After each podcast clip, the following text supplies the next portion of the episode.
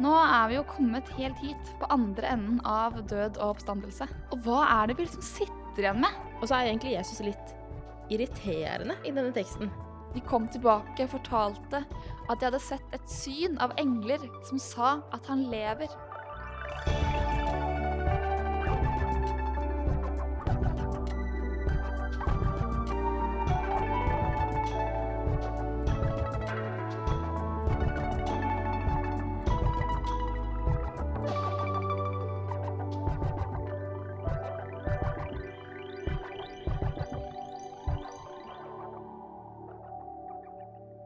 Velkommen inn i kirkestua Takk. til andre påskedag. Ja. Og så tenker kanskje noen at oi, hvorfor skal vi ha en andre påskedag? Vi har hatt den første. Hva er Ja. poenget? Er ikke påska over nå? Med lengre ferie. Ja, Er det grunnen? kanskje for noen. Funka i hvert fall å si andre påskedag. Det er ferie i dag òg. Ja, ja, det er jo ferie i Mm. dag òg. Men i kirka så det faktisk påsken helt til Kristi himmelfartsdag, når Jesus Ja. går opp til himmelen. 40 dager fra påske. Ja, Mm. Så vi feirer påske i 40 dager til, så det er bare å glede seg. Det blir mye sjokolade. Det blir mange påskeegg. det passer meg fint. Men skal vi gå litt inn i teksten, da? Ja, hvor er vi nå? Det har skjedd så mye at jeg føler vi må oppsummere litt før vi fortsetter. Ja, nå har Jesus stått opp igjen fra Mm. de døde. Det er jo veldig fint. Eh, Fint og rart. fint og Det er fortsatt rart. Ja, det er fortsatt rart. Mm. Og så har det vært mange Det har vært kvinner ved graven. Vi har hatt Simon Peter og en annen disippel ved graven. Og nå er vi på en vandring, på en vei. Vi er på vei til Emmaus, Mm. en by like ved Jerusalem. Og på den veien så går det to disipler Ja. som eh, ikke helt skjønner Litt sånn som vi, vi som sitter her nå, skjønner ikke helt hva det er som faktisk har skjedd. Yes. Skal vi hoppe inn? Vi hopper.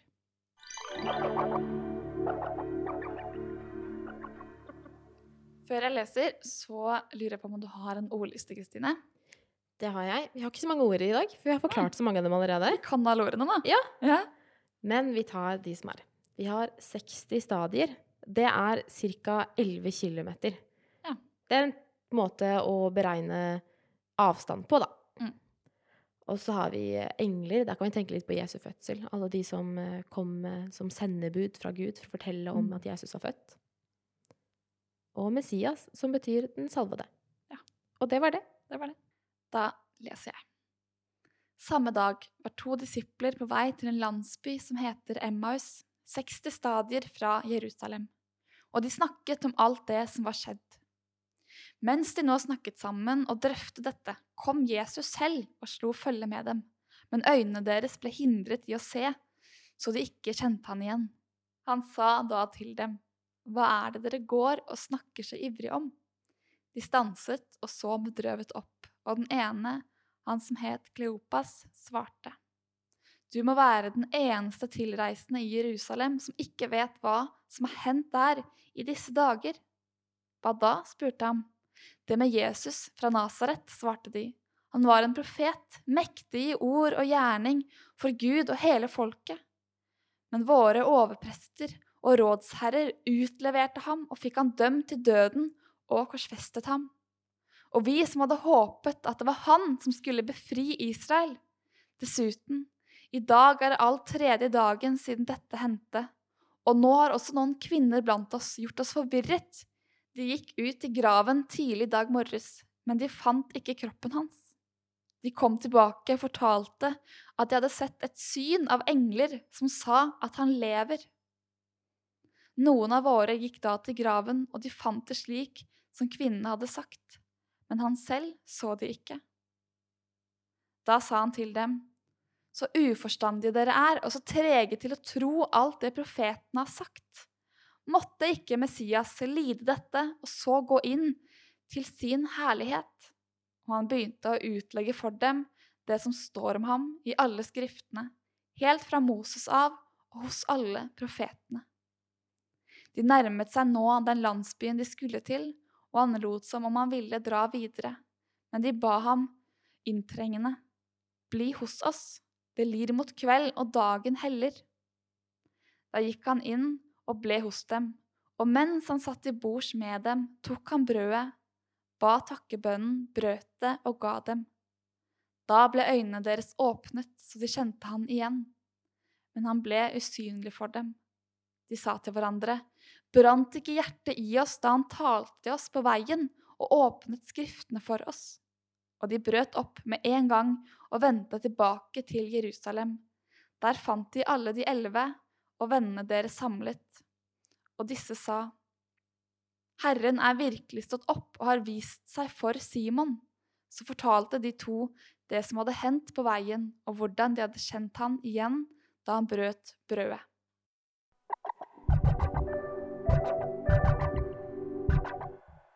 Spennende tekst. Den teksten her kalles jo ofte Emmaus-vandrerne. Ja. Fordi det er disse disiplene som går langs veien til Mm. Emmaus, eller de vandrer Ja. sammen. Vi, ja. vi er på en måte litt med, kanskje. Kan vi tenke det nå? At vi er med og vandrer. Ja, kan vi Mm. ikke gjøre det? Jeg syns det er litt fint. Hva er det som skjer da, når man går, går seg en tur sammen? Det er ofte den samtalen som preger denne turen, da.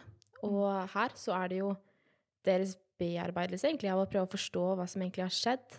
Jesus, deres store helt, den de trodde skulle frelse dem, er død. Mm. Og nå prøver de egentlig bare å bearbeide denne sorgen, eller forstå seg på det. Mm. For de hadde jo masse forventninger til det som skulle skje. Og så kommer Jesus inn Mm. i denne teksten. Og det skjønner de ikke, at det er Jesus. Nei, det er jo mye sånn rare Det er mye rart i den teksten her. Det er litt sånn, jeg føler det er litt sånn mye magi Ja. i den. Eh, og en del liksom ting som virker litt vanskelig å forstå. Mm. Eh, at plutselig så kan de ikke se han, og så plutselig er han usynlig. Og så eh, Det er mye sånne Det er mye greier. ja. Eh, men hvis man stripper på en måte vekk det som virker veldig rart, så er det jo tre mennesker på veien. Og så er egentlig Jesus litt irriterende i denne teksten. Ja, han er jo mye irriterende. Eh, han er jo Og det Jeg føler jeg skjønner det litt mer og mer etter hvert som vi har jobbet med dette også, at det er noe, også noe fint med å ikke være så rett fram, da. Mm. Og kanskje er det sånn teksten eh, har verdi for oss i dag. At det ikke bare forklarte akkurat den situasjonen han sto oppi, men ga oss noen eksempler som også kan tolkes inn i vår tid. Mm. Men allikevel irriterende. Han, han, han prøver på en måte å Han stiller litt spørsmål sånn Hva, hva er det dere snakker om? Hvorfor er Mm. dere så engasjerte i dette? Ja, og det kan jeg skjønne er provoserende. Hvis du har opplevd noe så stort, og som har preget eh, hele byen, og spesielt dem personlig, da. Altså, Jesus var jo deres venn. Mm. Eh, og så kommer det en mann som tilsynelatende ikke vet hva som har skjedd. Ja. Og det er jo egentlig litt som man kan tenke om i vår tid også. Hvis eh, du og jeg da, Maria, har en spennende samtale om et eller annet som er viktig for oss begge to, og så kommer det en tredje person inn og er litt sånn Hva skjer? Hva snakker dere om? Hvorfor er dere så engasjerte? Så kan det være litt sånn Du, nå er vi midt i en flow her. Nå, nå snakker vi om noe som er viktig for oss. Kan, kan du bare slutte å prøve å hoppe inn i dette? Ja. Så jeg tenker det er kanskje litt det de følte på, da. Mm. noen som invaderer deres personlige sirkel, da, på en måte det som var viktig for dem der og da. Mm. Men jeg tror det skjer noe når man går sammen. Jeg tror det skjer noe med deg personlig når man vandrer på en vei med noen. Både på en måte fysisk å gå en tur sammen, men også det å oppleve å ha noen i livet sitt som man kan snakke med om alt. Det tror jeg de hadde i den relasjonen mellom seg. At de kunne snakke sammen om det som var tungt og vanskelig. Det tror jeg er kjempeviktig for alle mennesker å ha en man kan snakke med om Mm. det som er engasjerende og viktig, og også det som kan være sårbart. Ja, og i dette tilfellet så er det jo et traume som de har vært gjennom. Og det å kunne være der for hverandre da, det er jo helt, det er helt avgjørende. Mm. Det er det.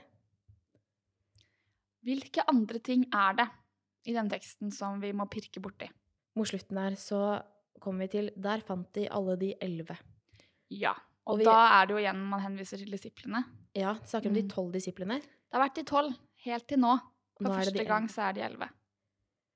Og det handler om Judas. Mm. Under skjærtorsdagsmåltidet så sa jo Jesus til Judas at det hadde vært bedre for det mennesket som skulle forrå- forråde Jesus, at det aldri ble født. Mm. Og etter at Judas gjorde dette, så forsto han det, det, var, det var Han klarte ikke å leve med det. Mm. Og da tok han sitt eget liv. Mm. Og derfor er de nå elleve. Og det syns jeg er veldig vanskelig å forholde meg til. Fordi alle mennesker har rett til et liv, og alle mennesker er like mye verdt. Og så klarte ikke han å leve med den sorgen.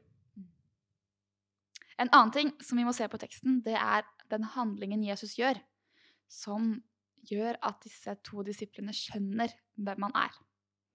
Og det er at han tar et brød og bryter det.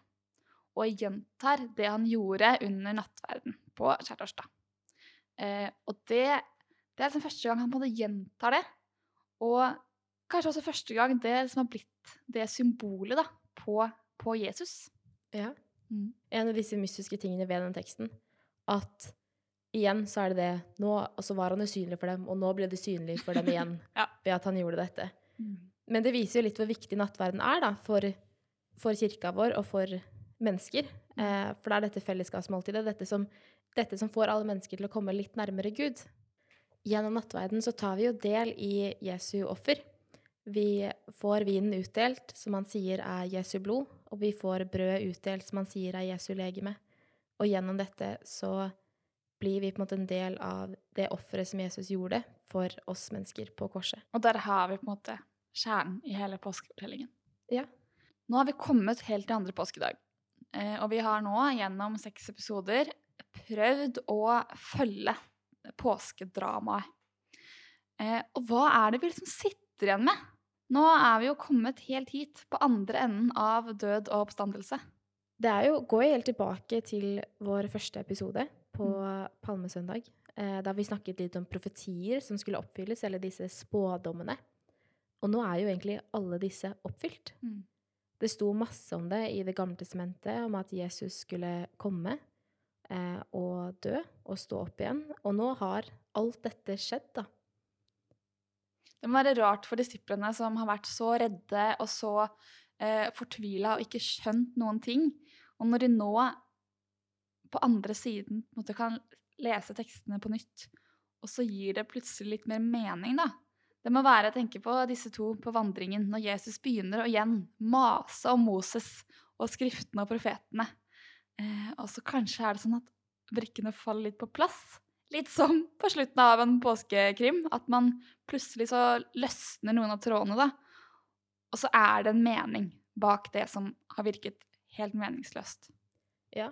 Det er her jeg egentlig er litt lite misunnelig på disiplene. Fordi hele tiden så har jeg tenkt sånn Å, jeg skulle ønske jeg kunne vært der, måtte ha tatt en del i det. Men nå er jeg litt glad for at jeg bare kan se på det på utsiden, for jeg visste jo hele tiden hvordan dette skulle ende. Ja. Men det visste jo ikke de. Mm. Men selv om vi, vi vet, vi visste at eh, til andre påskedag så ville Jesus stå opp fra de døde. Eh, så det er ikke noe spoiler i at vi sier det. Eh, men allikevel da, så er det en grunn til at vi tar opp denne teksten hvert år. Denne fortellingen. Eh, og det, det er litt som vi snakket med Øyvind Rudolf om i går. Hva er det som er så viktig med påsken for oss, også i dag? Eh, og det er noen av disse elementene som vi har snakket mye om, og dette oppdraget nærmest, eller denne forpliktelsen som egentlig følger det å tro på påskefortellingen. Som for eksempel det eksempelet Jesus setter ved å bryte klasseskillene. Og det har vi snakket mye om, men jeg tenker det er en grunn til at vi snakker ofte om det. Fordi det er så sentralt da, i det, i det påsken prøver å fortelle oss. Absolutt. Og også dette eh, menneskeverdet som Jesus trekker fram. Mm. Både i fotvaskingen, men også i det han sier til Peter at du kommer til å fornekte meg. Fordi senere i det evangeliet så leser vi om at Jesus spør Peter, elsker du meg? Og da viser Jesus igjen i den fortellingen der at ja, Peter, du sviktet meg, men det går helt fint. Jeg elsker deg uansett. Du er like mye verdt, selv om du har tråkket feil. Og vi kommer til å tråkke feil, men det betyr ikke at vi er mindre elsket. Nei, og det viser nettopp det som du sier, da, at vi, vi evner å gjøre dumme ting og vonde ting, eh, men det endrer ikke den verdien som vi er skapt med. Og så er det helt til slutt dette løftet da, i Mm. oppstandelsen. Dette løftet om at når vi en gang dør, så har vi en vei til himmelen. Vi har, vi har på en måte Ja, det er ryddet plass da, for oss på Mm. veien til himmelen. At der, der kommer vi. Der marsjerer vi fram, eller hva nå enn Jeg vet ikke hvordan det kommer til å se ut, ja. men jeg håper det blir fint. Ja, og at livet vinner, da. Det også er jo hele budskapet i det. At uh, vi vet ikke hvordan. Mm. Vi vet ikke hvordan dette himmelriket er, eller hvordan veien dit ser ut. Men vi vet at etter langfredag så kommer påskeaften og første påskedag og andre påskedag og livet.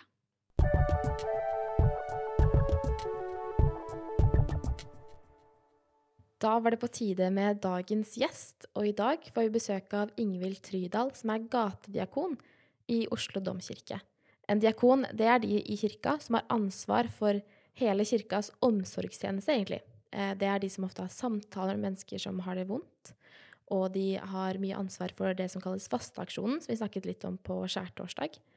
Og det tror jeg blir veldig fint å høre hva Ingvild tenker om påske. Hei, Ingvild. Hallo. Så fint at du hadde lyst til å snakke med oss. Ja.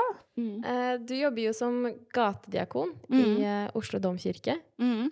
Eh, Det syns vi er en veldig spennende jobb å ha. Mm. Eh, Så jeg har litt lyst til å snakke med deg litt om det, og så litt om påsken. Ja. Så aller først, da. Nå er det jo andre påskedag, Mm. så på en måte påsken er jo i full sving, for å si det sånn. Festen er i gang. Mm. Eh, Men hva betyr påsken for deg? Ja. Ehm, det er jo et veldig stort spørsmål, egentlig. Um, Ja, det er det. siden det er liksom eh, det hele Det som liksom vår tro, eller min tro og kirken sin tro, springer ut fra. At det liksom Det hadde ikke vært noen kirke hvis ikke det hadde skjedd.